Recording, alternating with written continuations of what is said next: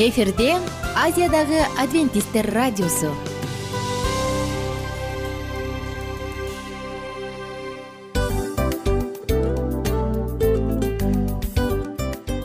Достор салют. Баардык сүйүктүү угармандарыбызга салам айтабыз. Кутман күнүңүздөр менен. Ден соолук өмүрдүн булагы демекчи саламат саамы программасында баарыңыздарды көргөнүбүзгө абдан кубанычтабыз. Анда алгач амандашып өтөлү арбаңыздар деп. Ден соолугуңуздар кандай элибизде көбүнчө ден соолук кандай дегенде эле жакшы деп жооп беребиз э? ооруп турсак дагы жакшы дейбиз. Анан мен муну айтып ойлойт элем бул абдан сонун сөз депчи анткени бул жакшы деген үмүт да э баары жакшы болот. Баары сонун. Деп үмүттөнүп атып эле өзүбүздү өзүбүз дарылап коебуз.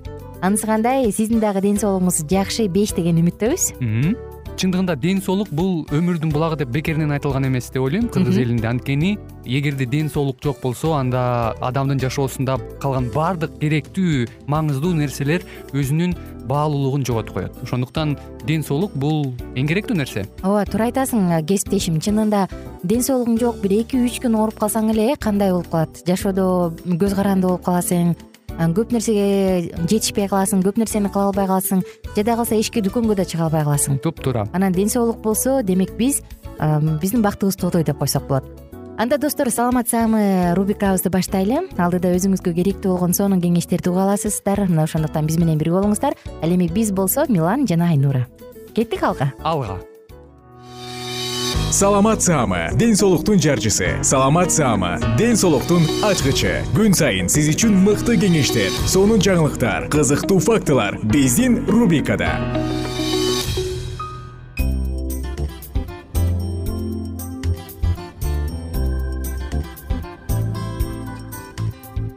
Салют достор. Кандайсыздар угармандар? Жалпыңыздар менен кайрадан саламат саамы рубрикасында алышканыма абдан кубанычтамын. Аты жөнүм айнура миназарова бүгүн сиздер менен стресс жана жүрөк деген теманын үстүнөн сөз кылалы деп турабыз. Тыңдап жатканыңыз пайдалуу суусундуктар деп аталган цикл жана бул циклда албетте стресске жүрөккө көңүл бурбай койсок болбостур анда эмесе достор алгач эле стресс жөнүндө бир аз маалыматты карай кетсек негизи стресс бул организмдин кысталыш жагдайга жооп кайтарышы э? Организм реакция кылат. Андайда мээ дененин баардык бөлүктөрүнө аябай көп гормондорду жөнөтө баштайт. Биринин артынан бирин. Гормондор болсо жүрөктүн согушун тездетет кан басымды жөнгө салат өпкөнү кеңейтет же жыйрылтат анан булчуңдарды тырыштырат. Адам эсин жыгынча эле организми иш аракет кылууга даяр болуп калат. Байкабай калабыз э? Стресске кабылткан жагдай өтүп кеткенден кийин чыңалган организмибиз башкы калыбына келет эми стресстин пайдасы жана зыяны жөнүндө сөз кылсак негизи бул организмдеги табигый процесс. Биз стресс болбо деп организмге буйрук бере албайбыз. Кайсы бир кырдаалда ал баары бир стресс болот. Ал кыйынчылыкка туш болгондо же кооптуу жагдайга кабылганда дароо иш аракет кылганга жардам берет. Стресс болгондо эң биринчи мээ жооп кайтарат. Стресстин бир эле пайдасы ал тез арада бир нерсе кылганга көмөк берет. Укмуштуу күчтүү болуп каласың э байкасаңыз керек. Бир стресс абалында кантип үйгө жетип калганыңды билбейсиң кантип телефон чалганыңды билбейсиң кантип жолдон өтүп кеткениңди кантип баланы ала калганыңды айтор мына өзүң билбей каласың ылдам болуп каласың. Бир аз стресс болуу максаттарыбызга жеткенге же ишти мыкты аткарганга дагы жардам берет алсак анын пайдасы мектептеги сынак учурунда жумушка орношконо барганда же кайсы бир спортко катышып жатканда тиет. Анткени менен бирок бар. Созулган катуу же өнөкөт стресс зыяндуу организмибиз дайыма эле кайра кайра чыңалган абалда боло берсе ден соолук жабыркайт эмоционалдык жана психикалык абалыбыз начарлайт. Өзүбүздү туура эмес алып жүрө баштайбыз. Мисалы башкаларга жасаган мамилебиз өзгөрөт. Андан тышкары өнөкөт стресс болгондор кыйынчылыгын чечиш үчүн чылым чеге башташы ичкиликке же баңгизатка берилип кетиши мүмкүн. Атүгүл депрессияга чалдыгышы алдан күчтөн тайышы же өз өмүрүн кыюу жөнүндө ойлоно башташы ыктымал стресс баарына эле бирдей таасир бере берсе дагы көптөгөн ооруларга чалдыктырышы мүмкүн. Ал дээрлик ар бир органды жабыркатат. Караңыздарчы. Эми нерв системасы биринчи эле албетте. Жүрөктүн согушун тездетет кан басымын жогорулатат деп эдикпи демек булардын баардыгы албетте нерв системасына чоң таасир кылып келет. Кыжырдануу тынчсыздануу депрессия баш оору уйку качуу булардын баардыгы стресстен булчуң системасында стресс учурунда адамды зыяндан коргош үчүн булчуңдар тырышат. Бирок өтө көп стресс болуу төмөнкүлөргө себеп. Дененин оорушу баштын катуу оорушу булчуңдардын жыйрылышы дагы булчуң системасына тийгизген таасири. Анан албетте дем алуу системасы дем алуунун күчөшү кыска дем алуу туруп туруп эле коркунуч басуу булардын баардыгы стресстин зыяндуулугу. Жүрөк кан тамыр системасы кан басымынын жогорулашы жүрөктүн токтошу инсульт булардын баардыгы стресстин зыяны эндокриндик система кант диабет иммунитеттин төмөндөшү оорунун күчөшү маанайдын тез тез өзгөрүшү толуп кетүү. Тамак сиңирүү системасында жүрөк айлануу кусуу ич өтүү ич катуу булардын баардыгы стресс. Жана тукум улоо системасы бар. Импотенция айыздын бузулушу мына ушул сыяктуу стресстин укмуштуу жаман адаттары бар э таасирлери бар. Булардын баардыгынан алыс болуш үчүн достор албетте биз өзүбүздүн ден соолугубузга кам көрүп кам көрүп гана койбостон ошол учурда. Негизи эле аны алдын алуу дагы зарыл эми биз сиздер менен бүгүн айта турган маалымат смузи. Бул бир калыптагы пульс деп аталган смузи. Бир калыптагы пульс. Ооба. Адам стресс болгон учурда ага витамин май кислоталары аминокислота табигый сахар түрүндө жардам керек болот. Элестетиңиз адам стресс болгон учурда. Аны болсо биз албетте тамак аш аркылуу беребиз. Биз ошондуктан мындай тамак ашты бир калыптагы пульс деп аталган смузи менен берүүнү сунуштайбыз. Кадимки эле шабдалыдан тышкары адамдын адамга ушул стресс учурунда эң жакшы мыкты азык болгон бул апунция кактусу. Эсиңизде болсо мурунку уктурууда аракечтиктен арылуу үчүн дал ушул апунция кактусун пайдаланууну сунуштаганбыз бүгүн дагы ушул эле апунция кактусу жөнүндө болмокчу. Бул адамдын канынын көлөмүн көбөйтөт. Күнүгө эртең менен баягы жүрөк канчалык кан берсе ошону көбөйткөнгө жардам берет. Демек жүрөктүн тез тез жыйрылышы төмөндөлөт анан кийин албетте стресстен чыңалуу төмөндөйт. Бир калыптагы пульс деп аталган смузи адамдын жүрөк кан тамырын коронардык артериялардын баардыгын тең жана ошол артериялардын четтеринин баарын толуп калышын алдын алат. Эмесе достор эгерде адамдын жүрөгү ооруса же болбосо жөн гана саламаттыгы бекем оорубаган адам болсо деле баары бир биз ушул бир калыптагы пульс деп аталган смузини ичип турууну сунуштайбыз. Анткени бул смузи сиздин ден соолугуңузга эң сонун пайдалуу жана азыктандыруучу заттарга бай. Эми мындай смузини даярдаш үчүн эмне керек? Сизге болгону эки шабдалы жүз элүү граммдай болсо болот ар бири. Аны мүмкүн сиз консерваланган ал шабдал менен алмаштырып коюшуңуз мүмкүн. Ошондой эле апунция кактусунан эки жемиш орточо көлөмдө же аны төрт инжирдин жемиши менен төрт инжир менен алмаштырсаңыз болот же эки гуава менен. Же болбосо бир банан бир чашка соя сүтү. Аны сиз сулуу же күрүч сүтүнө алмаштырып койсоңуз болот. Жана ваниль порошогунун жарым аш кашык. Эми шабдалыны майдалап ичиндеги данегин алып чыгыңыз. Кактустун жемишин тазалаңыз. Булардын баардыгын тең блендерге салып аралаштырыңыз. Анан да татымына жараша бир аз туз же бир аз табигый кумшекерлерден кошуп койсоңуз болот. Мындай смузи жүрөктү коргойт адамдын денесин тазалайт жана антиоксидант болуп саналат. Мына достор ушундай. Э, сиздерге кааларыбыз албетте эч качан оорубаңыз деп айтмакчыбыз. Ошондуктан колдон келишинче стресс абалына дуушар болбогонго аракет кылыңыз. Негизи эле биздин жашообузда байкалбаган стресстер өтө көп э. Өзүбүз байкабай да калабыз. Бирок организм реакция кылат мындай абалдан кайтыш үчүн өзүбүз жанагындай өнөкөт ооруларга алып келүүчү стресстен алыс болушубуз үчүн албетте позитивдүү маанайды сактайлы жана жакындарыбыз менен жагымдуу убакыт өткөрөлү. Мен болсо сиздер менен коштошом достор. Кайрадан кийинки уктуруулардан амандашканча сак саламатта туруңуздар. Күнүңүздөр көңүлдүү улансын. Сиздин жашооңузду стресс эмес тескерисинче кубаныч шаттык гана дайым коштоп жүрсүн. Оорубаңыздар бар болуңуздар. Сиздин байлыгыңыз ден соолук. Кайрадан амандашканча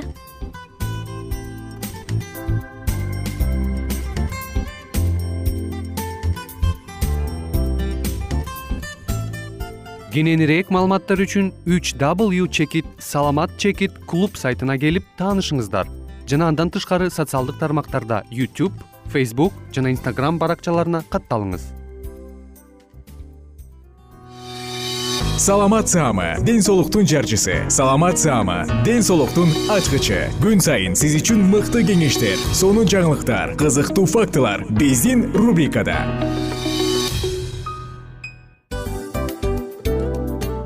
салам достор. Кайрадан биздин сүйүктүү рубрикабызга кош келиңиздер деп айтмакчыбыз. Баардык замандаштарыбызга арбаңыздар деп саламыбызды айтабыз. Улуу ушундай бир урматтаган учурашуу менен анан дил маек радио баракчабызга чакырабыз. Негизи дил маек биздин рубрикабызда эмне жөнүндө кеп кылабыз бул дил маектин мааниси эмнеде рубрикабыз менен кичине тааныштырып кетсеңиз. Сөзсүз түрдө тааныштыра кетейин. Кесиптешим суранычы боюнча бул учурда бул радио баракчада биз ар тарап кесип ээлеринен сонун кеңештерди алабыз сүйлөшөбүз сырдашабыз. Аталарыбыздын эжелерибиздин апаларыбыздын кеңештерин угабыз айтор.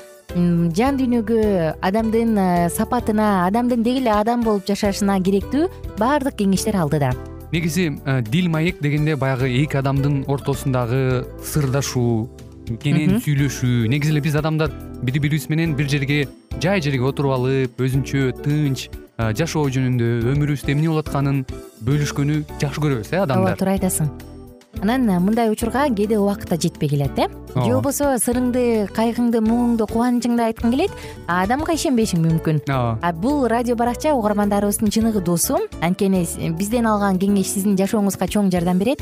Ал эми сиздин бизге айта турган сөзүңүз ортодо гана сыр бойдон калат. Ошондуктан биздин дил маек рубрикабызга дагы бир жолу кош келиңиздер. Жана биз даярдаган маалыматтарга даяр болуңуздар. Айнура жана милан сиздер менен бирге алдыга кеттик ар түрдүү ардактуу кесип ээлеринен алтын сөздөр жүрөк ачышкан сыр чачышкан сонун маек. Дил маек рубрикасында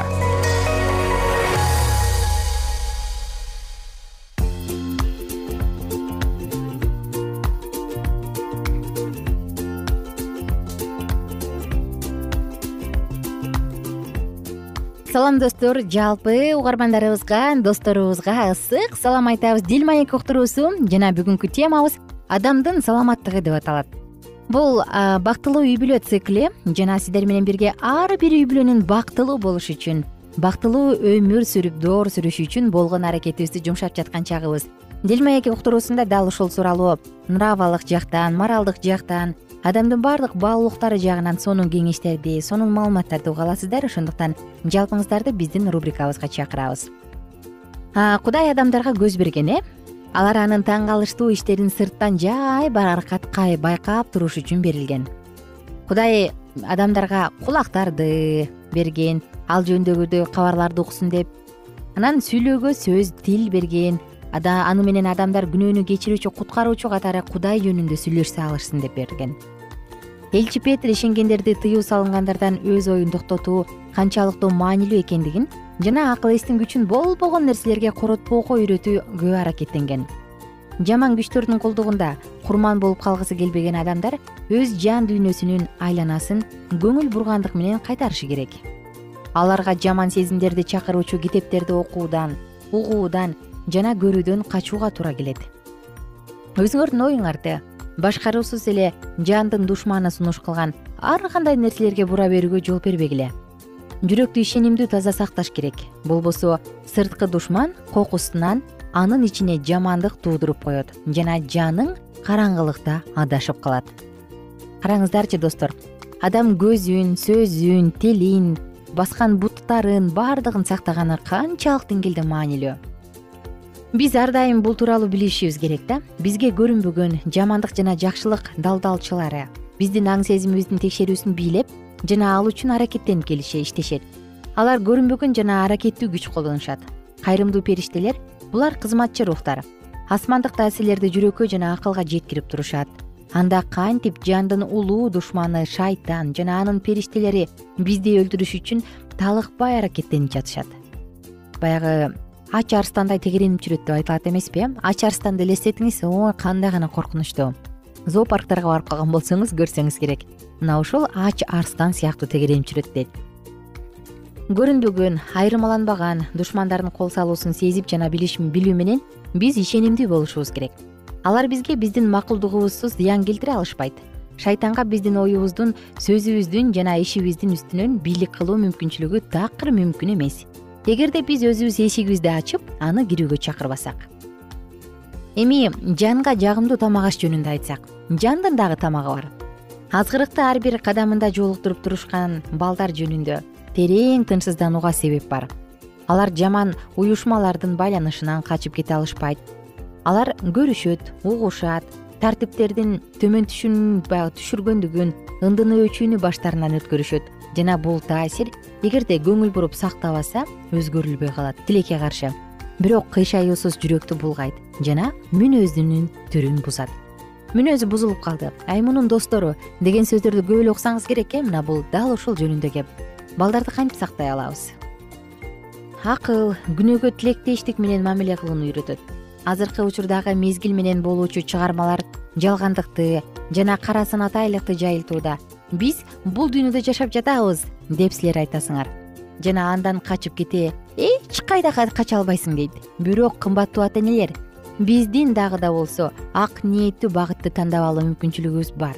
Жана эгерде каалап эле кое турган болсок бул акыркы мезгилдеги бат туралып жаткан көптөгөн кемчиликтерге жай баракат карап байкоо жүргүзүүдөн качып кутулууга болот биз көптөгөн аяосуздук жана кылмышкердик тууралуу баяндарды укпай кое алабыз.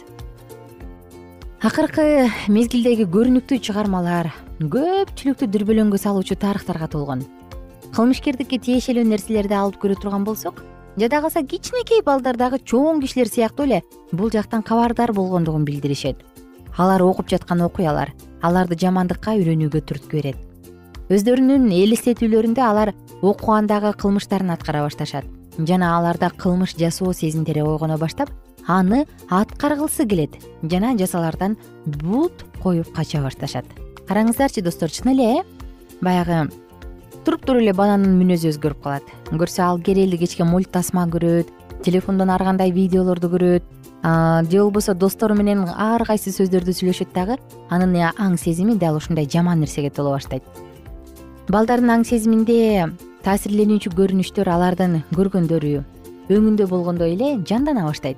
Качан баардык окуя толугу менен баяндалганда мыйзамды бузуу жана баарын кыла берүүгө кызыктыруучулук көпчүлүктү ошол сыяктуу окуяларды өркүндөтүүчү рухтун өсүшүнө түртөт адамдар эгерде ыгы келип кала турган болсо жанагы автордун жазган дүрбөлөңдүү көрүнүштөрүнөн дагы жаманыраак кылмыштарды аткарууга жөндөмдүү боло башташат жалпылыктын тартиби төмөн түшөт. Жана таң каларлык эмес жыйынтыгында бул кылмыштардын мөмөлөрү дагы көрүнө баштайт. Ыйык жазуу эмне деп айткандыгы тууралуу жеке жеке ойлонуп көрсөк. Забурда мындай дейт э? Көз алдыма керек эмес буюмдарды койбойм дейт. Бузук ишти жаман көрөм ал мага жолобойт. Бузук жүрөк менден ажыратылат. Бузук нерсени билбей калайын. Өз жакынын жашырын ушак тандаганды айдап чыгам көз карашы текеберге жана жүрөгү керсекенге чыдабайм. Жердеги берилгендерге менин көзүм көңүл бурат алар менин жанымда турат. Кимде ким күнөөсүз жолдо жүрсө ал мага кызмат кылат. Жүзү кара иш кылгандар менин үйүмдө жашабайт. Жалган айткан киши менин көз алдымда калбайт. Кандай гана сонун жол кандай гана сонун сөздөр кандай гана тазалык. Дал ушул тазалык ар бир жүрөктүн түпкүрүнөн орун алса деген каалообуз бар кийинки уктурууда биз темабызды улантабыз. Бүгүн адамдын саламаттыгы көрсө бир гана физиологиялык жактан эмес адамдын жан дүйнөсү руханий дүйнөсү дагы саламатта болуш керек экендигин сөз кылдык. Балдарды тарбиялаганга ар бирибизге сиздерге жаратуучубуз акылмандуулук күч берсин. Мен болсо сиздер менен коштошом жана кийинки уктуруудан кайрадан амандашабыз. Достор күнүңүздөр көңүлдүү улансын. Кийинки уктурууда дал ушул тема дал ушул сонун цикл андан ары уланат. Ошондуктан достор бактылуу үй бүлөнүн принциптерин билгиңиз келсе анда биздин ар бир уктуруубузду калтырбаңыз. Кайрадан амандашканча сак саламатта туруңуздар.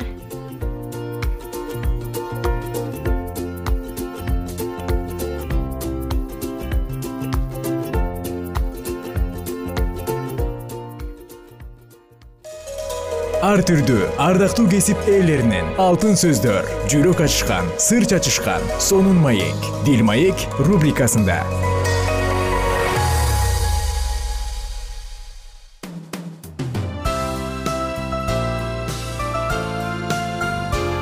эфирде азиядагы адвентисттер радиосу.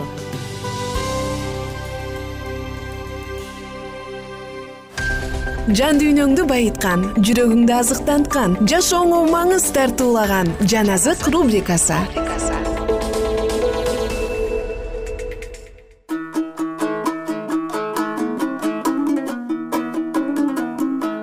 салют достор. Саламатсыздарбы кадырлуу замандаштар. Жалпы биздин сүйүктүү угармандарга ысык салам айтабыз дагы. Жалпыңыздар менен жаназык уктуруусун кайрадан баштадык. Эске сала кетсек биз бул уктурууда жакан жазган жакшы кабарды окуп жатабыз. Инжил китебинде жазылган жакан жазган жакшы кабарда ыйсанын өмүр баяны анын жасаган кереметтери жөнүндө эң сонун баяндалган. Мына бул окуяны уланталы бир аз арткараак кайрылсак биз мурунку уктурууда ыйса лазарды тирилткендиги тууралуу жүйүттөр аны өлтүрүүнү пландаштырганы тууралуу окуганбыз. Бүгүн андан ары кеттик. Жакан жазган жакшы кабар он экинчи бөлүм. Он экинчи аяттан ары улантабыз. Кийинки күнү майрамга келген элдин көпчүлүгү ыйсанын иерусалимге келерин угушканда дарактардын бутактарын алып дөөттүн уулуна даңк теңирдин атынан келе жатканга ысрайыл элинин падышасына даңк деп кыйкырып тосуп чыгышты. Ыйса бир кодикти таап минип алган эле. Бул жөнүндө ыйык жазууда. Коркпо сион кызы сенин падышаң коник минип келе жатат деп жазылган. Шакирттер муну адегенде түшүнүшкөн эмес. Бирок ыйса даңкталгандан кийин алар бул сөздөрдүн ал жөнүндө жазылгандыгын ага ошондой кылынгандыгын эстешти. Ыйсанын жанында жүргөн эл анын лазарды мүрзөдөн чакырып тирилткенин күбөлөндүрүп жатты ошондуктан ыйсанын бул кереметти кылганын уккан эл аны алдынан тосуп чыкты. Фаристейлер болсо көрдүңөрбү эч нерсе кыла албай калдыңар.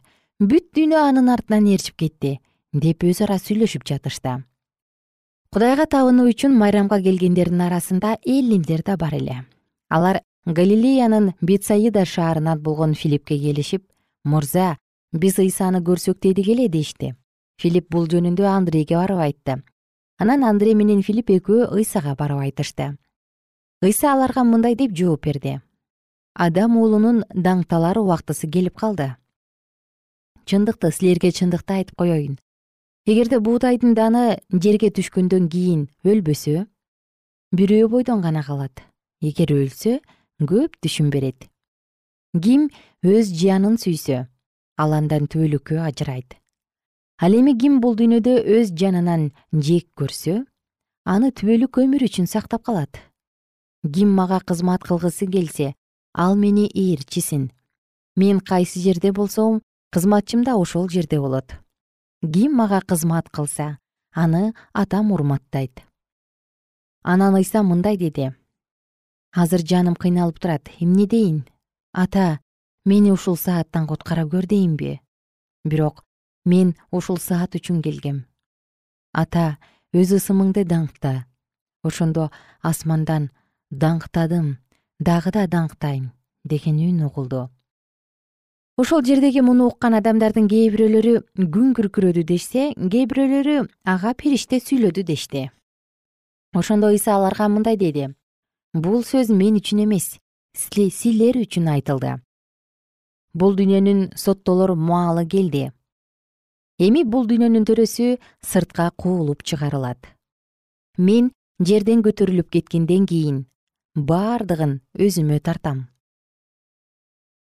Ыйса муну кандай өлүм менен өлөрүн билдириш үчүн айтты. Эл болсо ага мындай деди. Ыйык жазуудан укканыбызга караганда машаяк түбөлүк жашайт анан сен кандайча адам уулу жогору көтөрүлүп кетиши керек дейсиң. Адам уулу деген ким? Ошондо ыйса аларга мындай деди. Жарык дагы бир аз убакыт силер менен болот. Караңгыга калбаш үчүн жарык баарда жүргүлө. Караңгыда жүргөн адам кайда бара жатканын билбейт. Жарык силер менен болуп турганда жарыкка ишенгиле. Ошондо жарыктын балдары болосуңар ыйса бул сөздөрдү айткандан кийин ал жерден кетип элдин көзүнөн далдаа болду. Ыйса көптөгөн кереметтерди көрсөтсө да алар ага ишенишкен жок.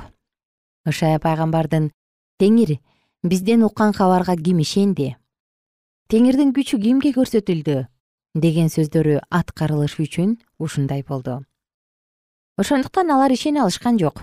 Ышая мындай деп да айткан. Алардын көздөрү сокур ал эми жүрөктөрү таш болуп калган. Ошондуктан алардын көздөрү көрбөйт түшүнүшпөйт айыгыш үчүн мага кайрылышпайт. Ышая бул сөздөрдү ыйсанын даңкын көрүп ал жөнүндө сүйлөгөндөн кийин айткан. Ошондой болсо да жүйүт башчыларынын көбү ыйсага ишенип калышты бирок синагогадан чыгарылып калбаш үчүн ишенип калышканын фаристейлердин алдында ачык айтышкан жок. Анткени кудайдын даңктаганына караганда адамдын даңктаганын артык көрүштү. Ыйса үнүн бийик чыгарып мындай деди. Мага ишенген адам мага эмес мени жиберген кудайга ишенген болот. Мени көргөн адам мени жиберген кудайды көргөн болот. Мага ишенгендердин бирөө да караңгыга калбаш үчүн мен дүйнөгө жарык болуп келдим. Сөздөрүмдү угуп бирок аларды аткарбаган адамды мен соттойм. Анткени мен бул дүйнөнү соттоо үчүн эмес куткаруу үчүн келгем. Мени четке кагып сөздөрүмдү кабыл албаган адам үчүн сот бар. Мен айткан сөздөр аны акыркы күнү соттойт. Анткени мен өз атымдан сүйлөгөн жокмун. Мени жиберген атамдын осуяты боюнча сүйлөп жатам. Эмнени айтып эмнени сүйлөө керектигин мага мени жиберген атам осуят кылган. Анын осуяты болсо түбөлүк өмүр экенин билем. Демек атам мага эмнени айтса мен ошону айтам.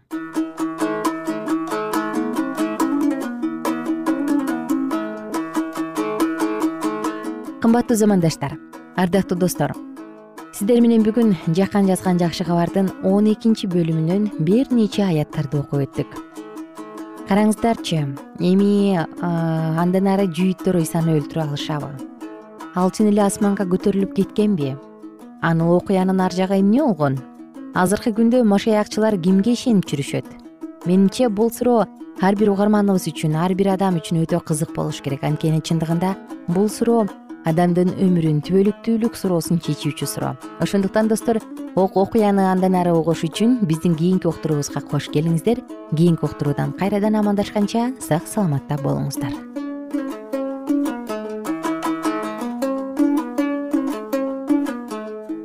Эгер сиздерде суроолор болсо же көбүрөөк маалымат билем десеңиз анда биздин whatsapp номерибизге жазыңыз. Плюс бир үч жүз бир жети жүз алтымыш алтымыш жетимиш. Кайрадан плюс бир үч жүз бир жети жүз алтымыш алтымыш жетимиш.